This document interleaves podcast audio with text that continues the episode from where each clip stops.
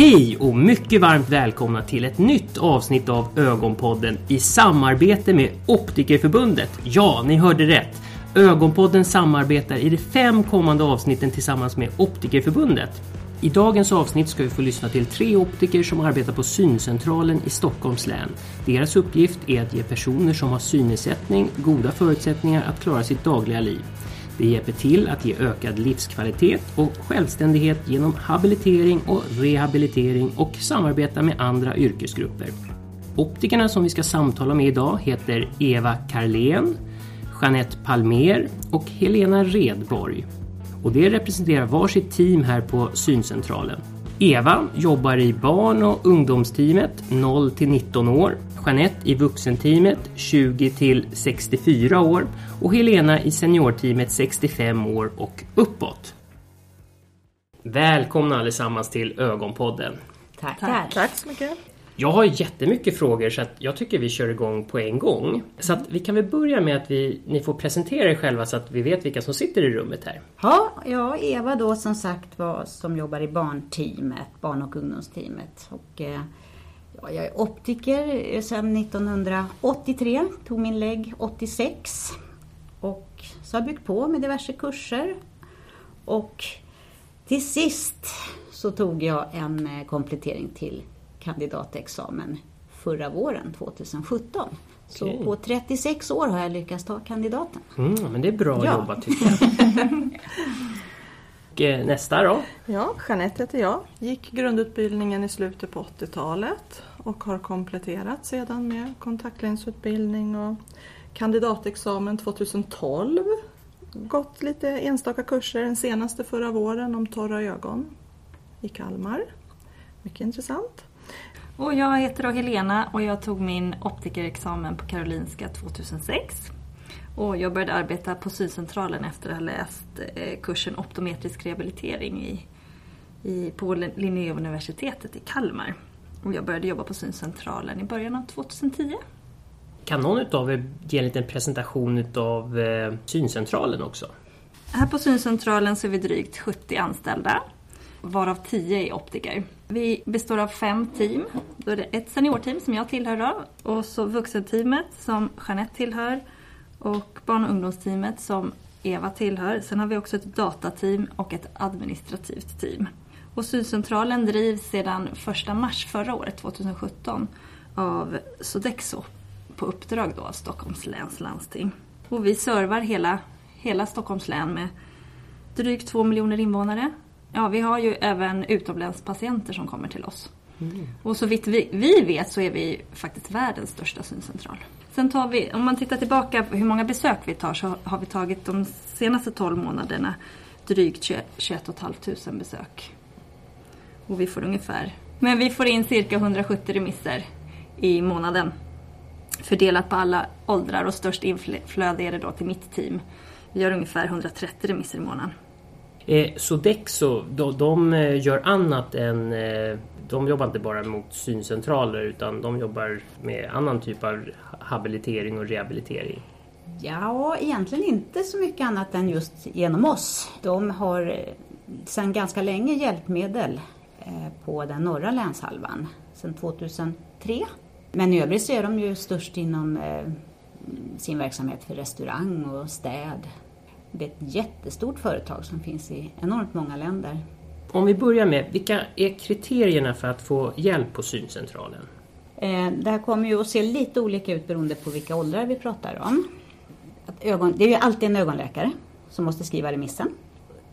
På ett ungefär kan man säga att visus inte ska vara bättre än 0,3 på det bästa ögat. Med bästa korrektion förstås. Men eh, det kan ju också handla om eh, andra eh, synproblem, typ ett inskränkt synfält, ett lågt kontrastseende, extrem bländningskänslighet av olika medicinska skäl. Och för barnen så kan det ju vara svårt att bestämma om det är en synnedsättning eller inte när de är väldigt små. Det kan också vara svårt att bestämma det om man har fler funktionsnedsättningar än bara synen. Så att det blir ju ändå ett lite flytande gränsland i det här, Ja, men det förstår jag. såklart. Men det är kul att höra några riktlinjer ändå. Och sen handlar det om läsningen också. Om man inte kan se fem punkter med en addition av plus fyra då eh, får man också komma till syncentralen. Okej. Så vi får se över vad man kan bidra med där. Men sen, sen, sen är det en hel radda med andra kriterier också om jag förstår det rätt. Ja, och det kommer ju också in på andra gränsland som är svår, lite mer svårdefinierade. Till exempel om vi har typ, olika typer av hjärnsynskador. Att man, ögat funkar, men vi kan inte tolka det vi ser. Okej. Då eh, kan man vara nog så hindrad i Ja, sin jo, det är vardag. klart. Och det kan också vara insatser som behövs härifrån av den anledningen. Och synfältsbortfall, man kan ju ha ganska god synförmåga fast det är bara en blickriktning. Så att man kan behöva hjälp och stöd Mm. hur man ska klara sig. Kanske då inte först och främst med glasögon utan annan hjälp på syncentralen. Mm. Men ändå ett kriterium för att få komma hit. Men är det sådana bitar som ni jobbar med då eller hamnar vi hos någon annan yrkesgrupp då? Ja, eh, vad det gäller rent eh, synfältsbortfall så är det ju orientering och förflyttning och då är det ju synpedagoger. Mm, okej. Eh, men vi börjar ju alltid med att titta på en, en eh, synundersökning för att se vad de har för synförmåga. Eh, det är viktigt att liksom ta reda på vilka förutsättningarna är och att man har bästa möjliga glasögon Mm. innan man börjar titta på hur man ska använda kompensatoriska tekniker. Men om, om eh, ni berättar lite då om hur eran vardag ser ut. Ni kan väl berätta lite så att jag förstår vad, vad, vad ni gör om dagarna? Lena? Ja, men min dag, upp, upplägget på mina dagar brukar vara ganska så lika med, med inbokade patientbesök helt enkelt. Eh, Men beroende då på vad det är för typ av patienter som kommer, vad de har för, för problem, så ger, ger det ändå en ganska så stor variation i mitt arbete tycker jag. Det hänger ju på vad de har för svårigheter och vilka insatser de behöver helt enkelt. Men kommer man in, är det som ett synundersökningsrum i butik? Är det så det ser ut där du jobbar? Eller är det... Eh, ja, hos mig gör man ju det. Ja, jag har ett synundersökningsrum. Sen det, ser det lite olika ut när man kommer till syncentralen första gången. Då är det kanske inte alltid mig som man träffar först. Men när man träffar optiker då kommer man in i, i mitt rum och det är ett synundersökningsrum, ja. Okej. Men eh, ni sitter inte i synundersökningsrum eller? Ja, inte jag så himla mycket. Inte förrän de blir äldre i alla fall, barnen. okej. Nej.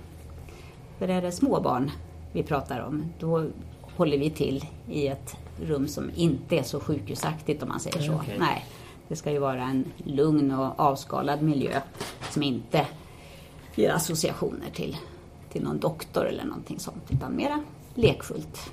Och jag jobbar ju nästan alltid tillsammans med någon annan yrkeskategori också. Eh, vilka yrkeskategorier blir det då? För min del blir det mest synpedagog. Det kan vara kurator eller psykolog om det handlar om att mera föra en, ett samtal. Men är det i en undersökningssituation så är det i regel synpedagog jag jobbar med.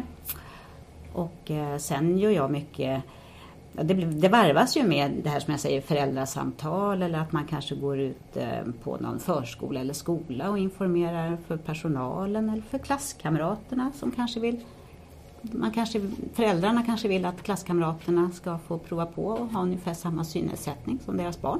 Så det ingår ibland i mina arbetsuppgifter också.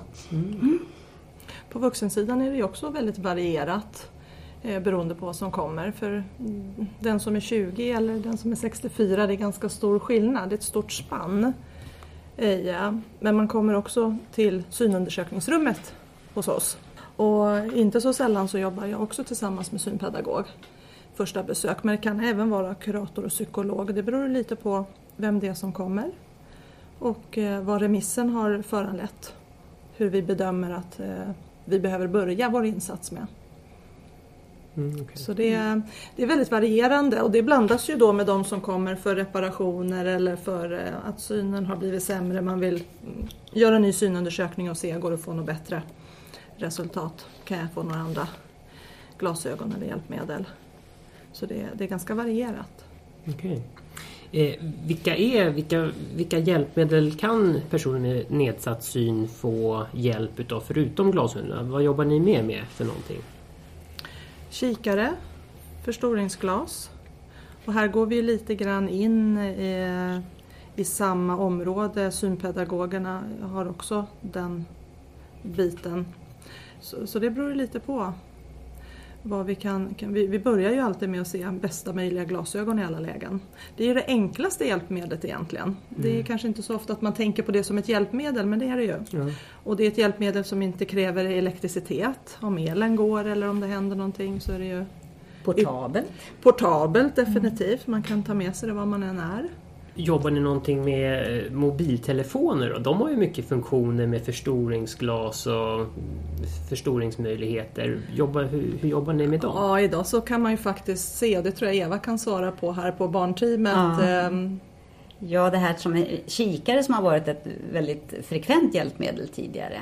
Det börjar ju nästan försvinna för våran målgrupp. Mm, okej. För det är mobiltelefonen man tar Även fram. på vuxensidan Säkert, så... ja men precis. Eh, Man fotar med mobilen och förstorar så mycket man behöver och så ser man inte ett dugg annorlunda ut än sina kompisar. Och det är jätteviktigt. Mm. Så att, eh, och även säger väl de som jobbar med datorer att det blir mindre och mindre efterfrågan av anpassningar på datorerna för nu kan mobiltelefonerna göra så mycket. Att de ersätter datorerna också ju. Mobilen är ju alltid med, den är ju så enkel och tillgänglig. Så det är väl egentligen det, det vanligaste hjälpmedlet idag. Mm, okej. Sen kanske inte alla har kommit på att man kan fota avgångstavlan i, när man står vid tåget eller någonting. Men om, om man förklarar det så, åh, då öppnas liksom en ny värld. Man kan ju faktiskt se de här sakerna bara genom att fota på en höft och sen förstora upp. Och komma åt mycket information. Men jag tänker på viktigt att säga att mobiltelefoner är ingenting som man kan få som hjälpmedel från syncentralen. Nej, Utan det är att man, man får köpa själv. Och det gäller även datorer. Så att däremot kan man ju ibland behöva programvara som anpassning. Mm, okej. Och den kan man då få som hjälpmedel där det är befogat. Men Är det här bitar som ni jobbar med eller är det mer synpedagogen som håller på med de här bitarna? Eller pratar ni så här, men ja, glöm inte bort att du kan använda mobiltelefonen också? Jo, det, det flätas ju in idag. Det blir ju en naturlig del. Men sen har vi också ett datateam som kan ta mycket av de här bitarna. Men mer och mer så ser man nog att både optiker och synpedagoger är inne och hjälper till med de här bitarna. Men som sagt, behöver man lite mer djuplodat och det, då, då är det ju bra att ta datapedagogerna till hjälp på det. Eh, vilka andra yrkesgrupper finns det i era team? Alltså vilka andra yrkesgrupper samarbetar ni med? Ja, vi nämnde ju synpedagog, vi nämnde kurator, psykolog. Ta fram en I- lista. Ja, Det är så många. precis. IT-pedagogerna och IT-tekniker. Fysioterapeut. Och eh, Punktskriftslärare. Punktskriftslärare, precis. Och så chefer och administrativ personal förstås. Okej. Icke att förglömma. Nej. Men ögonläkare finns inte på plats? Vi har ingen ögonläkare här. Nej, okej. Det gäller ju för Stockholms läns landstings syncentral. Eller Sodexos syncentral, men det är ju ändå Stockholms läns landsting som sätter ramarna. Det kan se helt annorlunda ut i andra landsting. Man kan tillhöra en ögonklinik till exempel, man kan ha ögonläkare ibland knuten till sig. Och det kan vara andra regelverk Ja. och andra hjälpmedelsbestämmelser. Alla landsting har ju sin eget att välja på.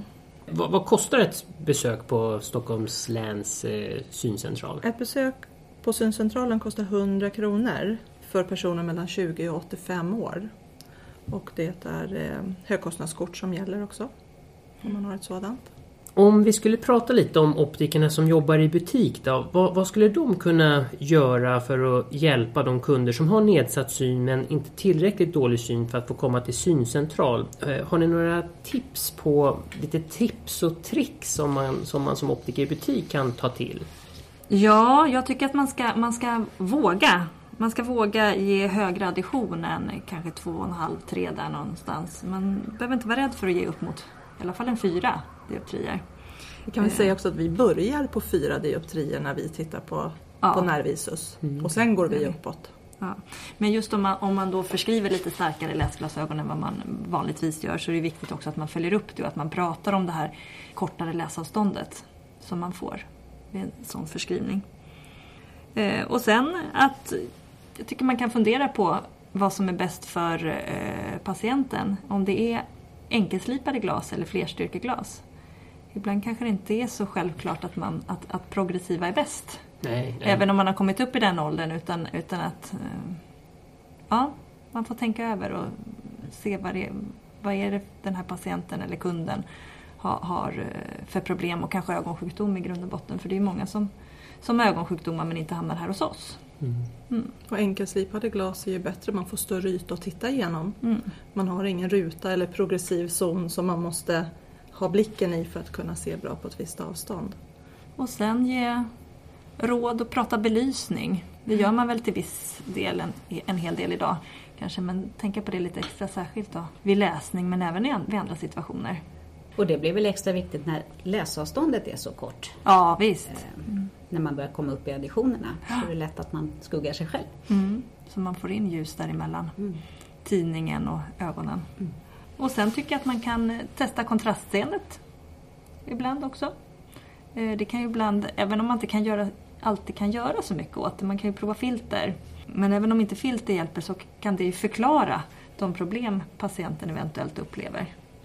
Det händer ju ibland att, att de kommer med och tycker att de ser sämre och så har de varit hos ögonläkaren och så har ögonläkaren sagt nej jag ser precis som förut. Och så mäter vi och så upptäcker vi att kontrastseendet har blivit lite sämre. Då kan ju vi bekräfta att vi faktiskt kan mäta att eh, kontrasten är ju det första som, som ger vika där vi kan se det på men att själva visusmätningen på, på den vanliga provtavlan är ju lite för grovmaskig för kanske att se vissa bitar. Och det kan ju vara liksom en betryggande del för patienten att veta att okej, men jag ser faktiskt lite sämre.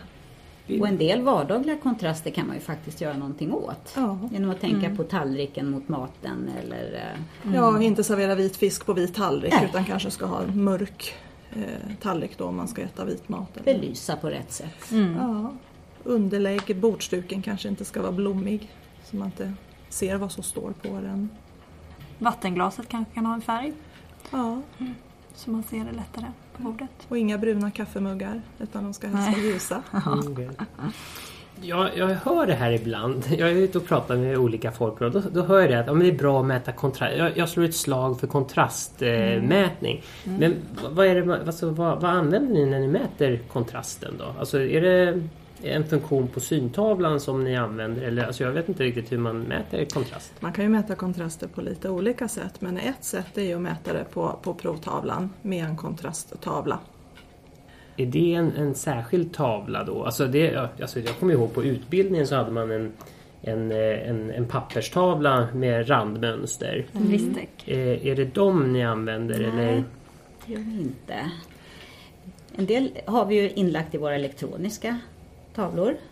Både på långt och nära håll. Ja, vi, på nära håll mm, lite likt Vistec. Ja, Men eh, sen finns det ju ett, ett antal olika handhållna sådana här av olika fabrikat och märken och upplägg. Mars är en, eh, Boozer är en. Och det här kontrastvärdet, anges det i procent eller vad, vad, hur anger man? Alltså vad är, vad är man, får man något, ett, ett värde på kontrasten eller vad, alltså vad gör man med, med, när man mäter kontrasten? Vad gör man med informationen? Du menar med svaret man Mm. får eller? Ja, man mäter ju på olika sätt på olika, eller man får ju ett resultat som ser olika ut beroende på vad det är för, för test du har gjort. Och sen handlar det om att tolka det resultatet som man får och liksom göra det begripligt och, och göra en bedömning då. Är det här, innebär det här nedsatt kontrastseende eller är det normalt? Är det vad jag kan förvänta mig? Eller li, lite graden av och det. framförallt kanske också när man mäter nästa gång att kunna jämföra. Egentligen spelar det ingen roll vilken eh, sätt man mäter det på utan att man nästa gång mäter det på samma sätt bara. Så att man kan jämföra de värdena man får. Ja, precis. Och så finns det ju, alltså, vi har ju alla en lite sämre synskärpa när vi drar ner på kontrasten. Men det ska ju inte sjunka lägre än vad som är normalt. Och det är ju det vi tittar på då. Om det då dippar ännu mer om man går till exempel från 100 till 10 procents kontrast. Och det vi gör med det är ju framförallt för att då kunna bekräfta patienten som det Jeanette var inne på tidigare att om, om patienten upplever att de eh, har fått en väldigt försämrad syn men man i hög kontrast inte mäter någon skillnad men att man dock ibland kan påvisa det, eller ofta kan påvisa det med, med, med kontrastseendet, med, eh, med kontrasttestet. Men däremot är det ju inte alltid man kan hjälpa patienten. Man, man, det är ju filter som, som, som man testar för att se om, om det är någon subjektiv förbättring. Men är det inte det, då kan vi inte göra så mycket mer. På barnsidan då kan jag ju säga att om man- vi vet att kontrastseendet är dåligt så kan ju synpedagogerna ge en hel del tips om hur man kan förbättra miljön på förskolan, skolan. Genom uppmärkningar, markera ut dörrposter, alltså vita dörrposter mot en vit vägg kan man ju faktiskt markera. Lite grann kring det här med maten som Jo men det stämmer så pratar man vi i kan- våra team också. Ja, Just tips så och man- råd utifrån ett dåligt kontrastseende. Precis. En del som är väldigt bländningskänsliga, som inte klarar av att vistas i ett ljust rum, som inte kan titta på en provtavla. Då blir det ju lite svårt att mäta visus. Eh, och då kan man invertera färgen på, på dagens datorer, visustavlor, och på så sätt få fram vät- mätvärden. För det är ju också så att en sån person kommer, kommer vi mäta igen på med inverterad färg och då kan vi ju återigen, precis som en vanlig tavla, se om det har blivit en förändring. Och journalföringen är ju A och O där. Och där måste man ju verkligen skriva i vad det är man har gjort. För det, kontrasterna blir ju lite annorlunda om man tar svart botten. Men i vissa fall så, så är det nödvändigt för att kunna genomföra en undersökning. Mm, Man okej. kanske måste ha nedsläckt i rummet och tavlan måste helt enkelt vara svart annars går det inte att få några värden alls. Mm, okej. Ja, man har ju råkat komma åt den där funktionen ibland på syntavlan och då undrar jag, då- ja, då har jag inte riktigt förstått när, vilka situationer ska man använda dem där? Det blir ganska tydligt när, du, när man träffar en sån Ja, person okej. som är i behov av det. Då uttrycker de det starkt. Mm, okej. Skulle jag säga, eller håller ni med? Eller? Ja, Mm. Det absolut. blir bara vitt alltihopa om det är en Ja, det sån. blir bara en smet, det går inte att se någonting. Nej, okej. Och det är ju också en viktig information om hur den personen funkar i sin vardag. Verkligen. Mm. Och det är klart att om vi bländar dem rejält från början då tar det ju rätt många minuter innan vi kan börja jobba igen. Innan de ser. Så det gäller ju att tänka till lite innan också. Innan man tar in dem i rummet ja. Mm. Sådana personer är naturligtvis självklara syncentralspatienter. Ja, de hör ju ja, hemma här och ska ha hjälp av oss. Så att, Mm. ja. Vilka produkter tycker ni då att man ska ha som optiker i butik för att kunna hjälpa de här kunderna som ser någonstans eh, ja, mellan 03 och 07? Ja, eh, förstoringsglas är väl bra och gärna med belysning. Och sen när det gäller förstoringsglas, då, min personliga åsikt är att man hellre ska prata dioptrier än att prata gångers förstoring. Jag tycker ofta det är så att patienterna de hänger upp sig lite på, på det där gångers förstoring, hur många gånger det är. Och vill gärna ha så hög förstoring som möjligt. Så att om jag kommer med ett förstoringsglas och säger att det här är två gångers förstoring. Ja, men jag vill nog ha lite starkare. Men säger jag däremot, ja det här är åtta dioptrier. Då, då är det, ja, då, då, det låter bra. tycker de. Och sen också är det lite förvirrande med, med, eftersom det finns olika formler att räkna förstoring efter. Eh, Så att det blir mer tydligt vad det är för, vad det är för styrka man, eh, man pratar om när man pratar dioptrier. Okej. Men det är vad jag tycker. Mm. Och sen är det väl egentligen Filter. filter. Ja, precis. Som man kan testa. Och det är ju prova som man får göra. Vi har sagt Trial and error. Ja. Ja, verkligen. Eh, Det är subjektivt. Det finns ingen exakt vetenskap. Man kan kanske se att vissa diagnoser vill ha vissa filter mer än andra men inte ens där är det hugget i sten. Utan man, man får helt enkelt låta vederbörande prova. Och där behöver man kanske inte i butik, tänker jag, ha alla typer av filter. Vi har ju ganska mycket här att välja på. Men om man tänker de vanligaste. 450, 511. Och då pratar vi ju kantfilter där de Ja, nyper precis. allting som är under den våglängdsnivån. Hur skulle ni säga att en synundersökning som utförs här på syncentralen skiljer sig från en, en, en synundersökning som man gör i butik? Vågen va? Vågen är väl det, ja. Ja. Den har vi som standard. Mm, okej. Det är faktiskt det Inga stora apparater med. i vägen. Vi behöver kunna se hur tittar de, kisar de, sneglar de på sidan. De behöver kunna röra sitt huvud fritt För för att att kunna- hitta sin bästa fixation. Många, om de har nystagmus, vilket flertalet av mina besökare har, Mm. så låser de ju ofta sin nystagmus i någon speciell huvudställning. Och det blir ju närmast omöjligt att ha en foropter framför Mm. det ansiktet. Jag har inte ens någon föropter i mitt rum. Det är Inte inte, jag tror att det Jag du använder min till det. BKC någon Ja. enstaka gång. I övrigt är det provbåge för mig. Men du är nog den enda som har en föropter på ditt rum va? Ja, kanske är så. Mm, skulle tro det. Sen är det väl att vi har lite gott om tid också. Mm. Det är väl en, en skillnad. Mm. I, eh, det Och tar den är viktig. Tiden är superviktig. Ja. Vilken mer utrustning har ni i undersökningsrummet? Autorefraktor. Ja, vertometer. Ja, den, de van, den vanliga som optiker använder. Och provglaslåda. Mm. Men ingen får Diverse filter och... Nej, Ja, ingen får precis. opter. Det, det är väl det som Det är det skiljer. som är skillnaden. Ja, något något annat som ni tänker på där med, som skiljer sig från butiksundersökningen? Vi pratar om kontrasttesterna och det är ju standard för oss att vi alltid tittar på kontrasterna. Ehm, Du pratade om inverterad färg på provtavlan, Jeanette. Ja. Och, sen Och är det gör vi- man ju säkert ute i butik. Eh, händer säkert också att man gör. Men det är nog inte så vanligt tror vi. nej, det- ja, ja, jag får ju bara tala utifrån mig själv. Jag har ju inte använt den någon gång. Nej, Nej, jag måste säga att jag använde den aldrig när jag jobbade ute i, i butik. Nej. Jag har inga minne av att jag någonsin att det gick ens på den tiden. ja. Men att det är faktiskt ganska viktigt. Men sen är det också det att vi, vi, vi är ju inte rädda för höga additioner och korta läsavstånd. Det är ju... Nej, som sagt, vi börjar på plus fyra och sen så går vi uppåt 30, 40, 60 dioptrier. eh, Vad som behövs Okej. för att liksom komma åt någon form av läsförmåga. Det blir ju väldigt korta läsavstånd. Det kan Det- vara en till två centimeter och det kräver ju mycket träning. Det är ju det- inte något som man bara säger här har du och så. Nej, det kräver en liten kamp också ibland mellan patient och optiker. Att få patienten att hålla på det där korta läsavståndet. För även om man får dem att hålla på en 5 cm på en addition på 20 så är det lätt att bara per automatik efter efter några sekunder så ökar avståndet och så får man vara där och hjälpa till. Ja, kommer nu ihåg och så nästan, nästan Ja. bokstavligt trycka upp texten i, ibland. Ja. De märker ju också att oj, det har blivit suddigt.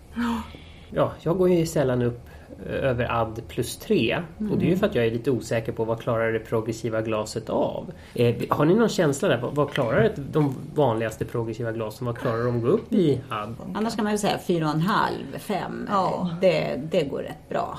Alltså dit, Ja, dit upp till de. sex skulle jag vilja säga Ja, har jag kanske. några Mm, mm. stycken som har. Fem och det jag verkar fungera bra. Mm.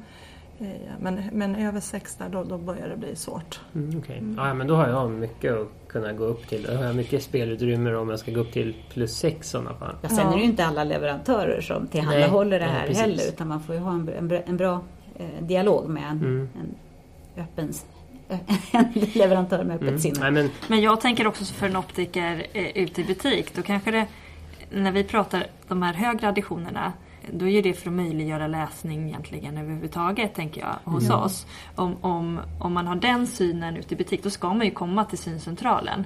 Men jag, Ja, tänker, men jag tänker, gränsen behöver ju inte strikt gå vid fyra heller för, för optiker ute i butik, utan det kan ju vara så att man med en add på, på fyra kanske Ja, man kanske tar sig igenom fem punkter hyfsat men man, det, man tycker att det känns som att det är något som saknas. Jag får inte riktigt samma flyt. Om man då går upp till fem, fem och en halv, sex kanske så kanske man kan få mer komfortabelt läsa, läsande på ett kortare läsavstånd. Och då hör man ju inte till syncentralen men man har en, ändå en behov av en högre addition. Det räcker väl egentligen med om man är sängläsare och ligger på rygg och läser så kommer ärmarna, ju mer trött man blir desto närmare kommer boken eller det man läser. Och, och- och då kan man ju också behöva ha lite specialaddition för just det tillfället fastän man inte alls är, är syncentralspatient. Och en bra lampa så att man får in Definitivt en god belysning är alltid viktigt. Mm. Men naturligtvis är det skillnad om man är på ett ställe där det finns en, sen en pedag, ett pedagogiskt stöd för att träna in de här sakerna Ja. och påminna om det korrekta läsavståndet. Så det är ju inte helt lätt eh, om man kommer upp i höga additioner. Det räcker nog inte vid en addition på fem och lämna ut och så säga att kom ihåg nu att du ska hålla så här nära 20 centimeter. Det, Det- det, glömmer man nog ganska fort för det sitter någonting i armslängds avstånd som är inbyggt på något sätt i oss. Okej. Ja, och läser man inte fem punkter med add 4 då ska, man, då ska ju patienterna komma hit. Men det är ju via ögonläkare Mm. som vi sagt som man får gå då. Om man är född med sin synnedsättning, vilka de flesta som jag träffar Mm. är, inte har, eh, vad säger man, inte har förvärvat den. Utan nästan alla är ju födda med det som jag träffar. De har ju att per automatik ö, lärt sig att det är fiffigt att hålla nära trycka in grejerna nära ögonen. Så Även de- närsynta kan vara bra. Ja, även närsynta. Eh, De behöver man ju inte träna på att hålla nära, det gör de alldeles automatiskt. Sen kan additionen bli ett sätt för dem att öka uthålligheten. Att konstant hålla så här nära som de själva vill göra. Så det är en skillnad mellan Ja. att jobba med barn och vuxna. Ja. Eller med barndoms synnedsatta. Och de som har förvärvat. Vill ni lägga till någonting där eller känner ni er färdiga på den punkten? Eh, när man jobbar med barn och även tror jag om man, eh, eller jag vet, eh, att även om man jobbar till exempel med de som har haft stroke och gör synundersökningar på dem. En viktig information för oss är skillnad i synskärpa om man mäter enstaka optotyper och optotyper på rad eller i grupp, alltså, eller på en hel tavla. För mig är det jättevanligt att de två visusvärdena skiljer sig markant. I början kan det bero på att man bara är i låg ålder. Alltså en viss skillnad där handlar ju om mognad. Men när man börjar komma uppåt, närmar sig skolåldern och det fortfarande är jättestor skillnad mellan det. Då kommer det att påverka möjligheterna till läsning och att orka ta in mycket intryck på samma gång. Och så. Det kan ju handla om en, en tolkningssvårighet i synbanorna. Att man har svårt att tolka detaljer i en rörig omgivning till exempel. Mm. Det är något vi brottas med ofta hos oss. Så vi har ja, alltid det- sådana mätningar med i våra synundersökningar. De Jämförelser värden. förekommer regelbundet. Ja, det måste ju ni andra Ja, känna igen mycket också även om absolut. det är ännu mer standard på barn Ja, kanske. men ofta vid stroke-patienter Ja, som man, som man får maska av. ja. CVI och Mm. Alltså, Alltså, både, både, nedsättningar. ja, och både, både som du säger på långt och på nära håll. Mm. Vid läsningen också blir det alldeles för rörigt att titta på en. En hel tavla. en he- ja. Mm. Säljer ni några glasögon här? Nej, om man har rätt till ett hjälpmedel så lånar man det utan kostnad. Här på Stockholms syncentral. Här på Stockholms syncentral. Det kan vara även här då andra regler i andra landsting. Mm. Eh, och är det så att de här glasögonen inte funkar, eh, inte räcker till, eh, man inte vill ha dem längre, då ska man inte lägga dem i byrålådan utan då ska de tillbaka hit. Och så får man någon, byta upp sig till någonting annat istället. Mm. Sen viktigt att säga det att det är inte alla glasögon som räknas som Nej. hjälpmedel heller. Bara för att man är inskriven på syncentralen. Nej precis, Nej. om man är i behov av ett par avståndsglasögon utan något filter eller så, då, då får man gå och köpa dem själv hos optiker på stan. Så det är inte så att per automatik för att man är inskriven här så får man allt. Så funkar det inte. Ja, det här var faktiskt en lyssnare som ställde den här frågan som kommer nu. Eh, och det var ju till dig då Eva om barnen som du jobbar med kan vara oroliga eller rädda inför mötet på syncentralen. Ja, nej, det skulle jag säga att det är ytterst sällan. Vi, alltså vi har en lekfull och, och lättsam attityd i, i mötet med barnen. Och många känner sig nog ganska snabbt hemtama här. Några kan vara oroliga just för det här, tänk om de ger mig droppar, för det svider ju. Vi ger inte droppar, så det kan vi med gott samvete säga att här på syncentralen kommer du aldrig att få några droppar. Eh, Men det finns en oro för det hos några, det märker man. Och sen lite vanlig blygsel förstås sådär. Lite slow starter för en del. Men nej, rädda inte särskilt många, det tycker inte jag. Hur upplever ni andra era Jag tycker nog att det kan vara lite varierande. Det kan ju vara en ledsenhet och nedstämdhet över att se sämre. Och man vet inte riktigt vad det är man ska vara med om när man kommer hit. Man kanske inte är rädd för att det ska göra ont här men, men eh, det finns många tankar och funderingar. eh, Och sen finns det förstås de som är jättenyfikna och vill veta allt. Mm. Så det, jag tycker det är väldigt varierat. Man får lyssna in lite när möter dem och, och, och ser lite på vilken nivå de ligger. Jag, jag tycker att det, det är inte ovanligt att de är lite oroliga, särskilt kanske inför första besöket. Eh, när de kommer till, eh, till syncentralen. Då handlar det kanske egentligen oftast om, om en oro med frågor om eh, kommer jag få hjälp? Eh, kommer jag kunna läsa igen? Eh, hur, kommer min syn bli sämre? Kommer jag bli blind? Och vi kan givetvis inte svara på alla de här frågorna. Vi kan ju eh, bara göra det som är inom vårt område. Men vi får ju då hänvisa, om det är rena ögonläkarfrågor, får vi hä- hänvisa tillbaka till ögonläkaren. Eh, Men som sagt, också de vet inte alltid vad de har att förvänta när de kommer hit Nej. just första gången. Ja, Just första besöket.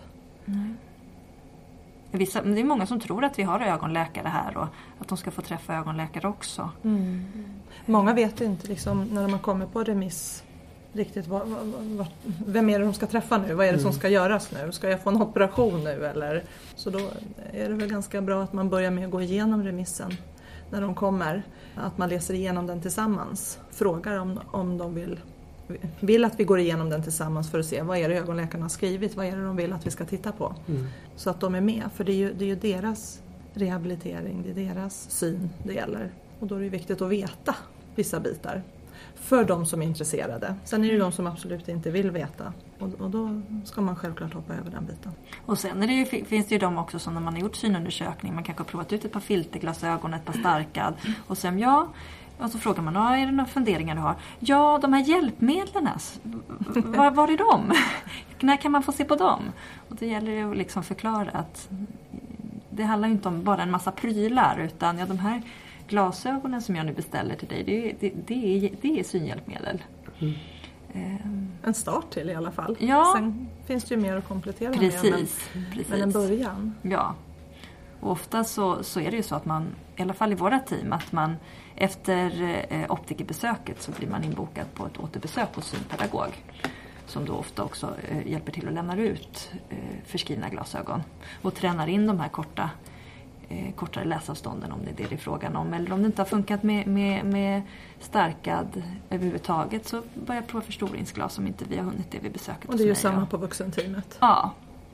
Och räcker inte det så kan det bli aktuellt med en CCTV eller något annat. Vad sa du nu? CCT? CCTV, det är en sån här läsapparat. Okej. Man lägger texten under Ja, okej. och så får man på skärmen en uppförstoring. Ja. Och där kan man då invertera färger och ändra eh, färger och ändra kontraster och storlek och, och så vidare. Och man kan både läsa i den och skriva under den. Mm. Man kan också ha en kamera knuten till den så att man till exempel kan rikta kameran mot skoltavlan. okej. Av vissa, vissa typer. Vissa modeller. Mm, inte allt. Ja, men det är de maskinerna som jag får upp i huvudet när jag tänker på syncentral. Mm. Men eh, hur mycket jobbar ni med de maskinerna då? Är det ni som jobbar eller är det mer Nej, det är en IT synpedagog. synpedagog. synpedagoger? Mm. Okej. Pedagogen. Vi hjälper till med ibland anpassade glasögon för just framför den skärmen. Ja. Gör vi, men inte, inte träning av, av själva, själva hjälpmedlet. Vad, vad skulle ni säga är er främsta lärdom sedan ni började jobba på eh, syncentral och träffa personer med synnedsättning? Alltså, jag- för mig är det att de teorier man kanske har lärt sig under utbildningen och läst i skolböckerna, de, de stämmer inte alltid i praktiken. Det är inte alltid allt som är så lätt att förklara, utan man får, man får lyssna på patienten och gå på det subjektiva och sina mätvärden. Och ibland är det inte att man får ihop det, men det funkar ändå. Liksom. Och då, då får man kanske ibland faktiskt nöja sig där, så länge man hittat något som funkar för patienten och som ja, hjälper. Jag tänker att, att en lärdom också är att, att allt går fast på ett annat sätt. Att det kan bli bra ändå fast man får hitta nya strategier. Och att det kanske tar lite tid men när man väl hittar de strategierna att, att det faktiskt fungerar bra. Och jag känner att jag har lärt mig att det finns inga siffervärden som kan tala om hur, hur en person upplever sin synnedsättning och hur mycket man tycker att den ställer till det i vardagslivet. Det är väldigt svårt att sätta en synskärpesiffra på var gränserna går för det. Mm, det finns de som kan ha superlåg synskärpa och tycker Att det- det mesta funkar alldeles Klarar, utmärkt. klarar allt. Och ibland är de med synskärpor kanske runt 03, 04 05 ibland. Ja, till och med det. Eh, tycker att livet är pest och de ser ingenting och det är en katastrof. Det är de som egentligen ibland upplevs ha, ha det svårast. Ja. Och, då, och de säger vi nej till. För Och våra kriterier Ja, för våra kriterier, precis. Ja. Om det blir för bra, om Ja. det inte finns något annat Ja, i synfältsdefekt eller... Och där finns det ju då en del för optiker ute på stan att göra. Men någonstans måste man ju respektera alla de här upplevelserna Absolut. av hur, hur livet ter sig med Det är synnedsättningen. jätteviktigt. Man måste lyssna in. Man måste respektera det. Eh, nu började vi ju närma oss slutet här. Någonting som ni känner att ja, men det här vill jag få med också? Det Ja. Är, vad, vad då? Våga ge högre addition. Men att, att ta tid till att öva, träna på läsavståndet. Enkel åtgärd som, som skulle kunna hjälpa väldigt många. Tror jag.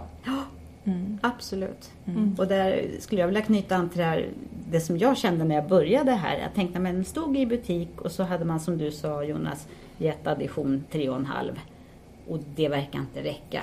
Ja men då har vi ju nått liksom, i- slagit i taket. Kanske man tänker i butik. Det är där vi börjar. Mm. Och då har man så otroligt mycket kvar man kan göra. det, det ska man känna till tycker jag i, i butik också. Mm. Att det, det finns mycket mer att göra. Även Ja, om man man ska ska lämna inte- över det till, till syncentralen kanske. Men, men, men det är toppen att det är så. Och vi ger inte upp. Nej. Vi provar alltid, alla möjliga sätt. Allt som kan göra livet lättare och enklare för de som kommer hit försöker vi med. Ja, men sen är det ju så också att många av de hjälpmedel man får härifrån de funkar inte av sig självt utan det krävs verkligen träning Ja. och målmedvetenhet och ja, men en rejäl kämparinsats liksom, Oh ja. för att det ska funka. Så att man måste vara överens så att, så att, så att patienten är med på tåget liksom, Mm. och är beredd att träna. Ja, Och, det är jätteviktigt. ja, Det är verkligen viktigt. Och eftersom Ögonpodden numera görs i samarbete med Optikerförbundet här i några avsnitt framöver så skulle ju jag vilja veta också, är ni medlemmar i Optikerförbundet? Inte längre måste jag erkänna. Inte längre. Inte längre. Nej. Eh, och jag sitter ju numera i Optikerförbundets styrelse så att jag är ju mån om att så många som möjligt ska vara med i förbundet. Ju fler medlemmar vi är desto större är chansen att driva igenom förändringar när vi har kontakt med myndigheter. Så att, vad, vad skulle kunna göra att ni skulle känna att Optikerförbundet är mer attraktivt igen? Vad, vad, vad finns det som vi kan jobba med för att ni ska känna att det blir mer attraktivt att vara med i förbundet igen? Det är väl det här, alltså det här lite klassiska nu, det, det rör sig mycket kring, det är lite styrt kring kedjorna och, och mycket idag upplever jag när jag läser tidningen till exempel att det rör sig mycket om kontaktlinser. Det har vi inte sagt nu men det jobbar ju inte vi med här. Även om jag har kontaktlinsutbildningen så känner jag inte att det är någonting som berör mig i vardagen. Mycket frågor kring hur ökar man försäljningen, hur förbättrar man sin marknadsföring. Det känns ju inte alltid så relevant för mig heller. Ja, Jag förstår. Så kan jag känna på mässan till exempel om man Mm. ser vilka workshops som erbjuds på mässan. Då känner jag så att nej, Mm. Ja, men det är ju jättebra feedback faktiskt. Eh, Så att det ska man titta på där och kanske lyfta fram eh, eh, vidareutbildning till exempel som kan gynna även er som jobbar med det här lite smalare basic. området. Ja. Hela optikerutbildningen har väl liksom breddats till att bli fler sektorer på något sätt. Förut jobbade man ju inte på sjukhusen och, och så vidare. Och det är klart att om man attraherar dem då, då är det svårt att tänka kanske kronor och försäljning Mm. och, och sådana saker som är viktiga när Absolut. man är ute i butik. Eh, Men då är den här sista frågan då. Om ni skulle få göra en synundersökning på en känd person, levande eller död, eh, vem skulle det vara? Jag vet. Chuck Jäger. Ja, du, du, du, nu, Stridspilot med supersynskärpa. Han Okej. såg ju sina fiender långt före alla andra. Och då tänker jag att det står i lite bjärt kontrast till mot vad jag brukar mäta. Låg synskärpa så vore det riktigt läckert att få mäta någon som har en sån här fantastisk synskärpa. ja, absolut. Eh, ja, har ni något? Vi snor annat? den också. Vi, vi, vi koppar den. Eh, Avslutningsvis så vill jag köra ett moment som jag kallar för snabba korta frågor. Och jag, jag, jag överväger varje gång att plocka bort det här momentet. Men jag tycker ändå att det finns en, en, en, en vits med att ha med de här frågorna. Så att glasögon eller kontaktlinser, vad, vad är Glas- bäst? Glasögon. Okej. Översynthet eller närsynthet? Ja, jag säger översynthet ja. Coverspade eller penlight? Coverspade. Kund eller patient? Patient. Enkelslipade glas eller progressiva glas? Enkelslipade. Eh, LASEK eller LASIK? Pass. ja den Ja, nej. kan, för, kan för lite om det. Ja, då lämnar vi det. Då säger jag tack så jättemycket för att ni tog er tid att vara med i Ögonpodden. Tack, Tack. själva för att vi fick vara med. Ja, Tack så jättespännande. Ja, det var, jag, jag, jag hoppas att vi har en minut kvar så jag kan, kan få se era rum också. Ja, jag skulle visst. jättegärna vilja se hur det ser ut. Och tack till alla lyssnare för att ni lyssnar och tack till Bright Optical Solutions och Optikerförbundet som hjälper till i skapandet av Ögonpodden. Ögonpodden har även en Facebook-sida som ni jättegärna får gå in och gilla. Och ni kan mejla mig om ni har förslag på ämnen eller gäster som ni önskar lyssna på i Ögonpodden. Så kontakta mig då på jonas.upphagen brightoptical.se. På återhörande!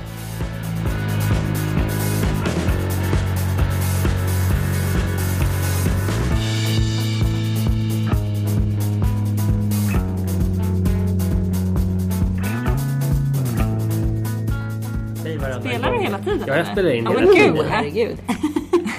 Börjar du? Stockholms syncentral Sodexo.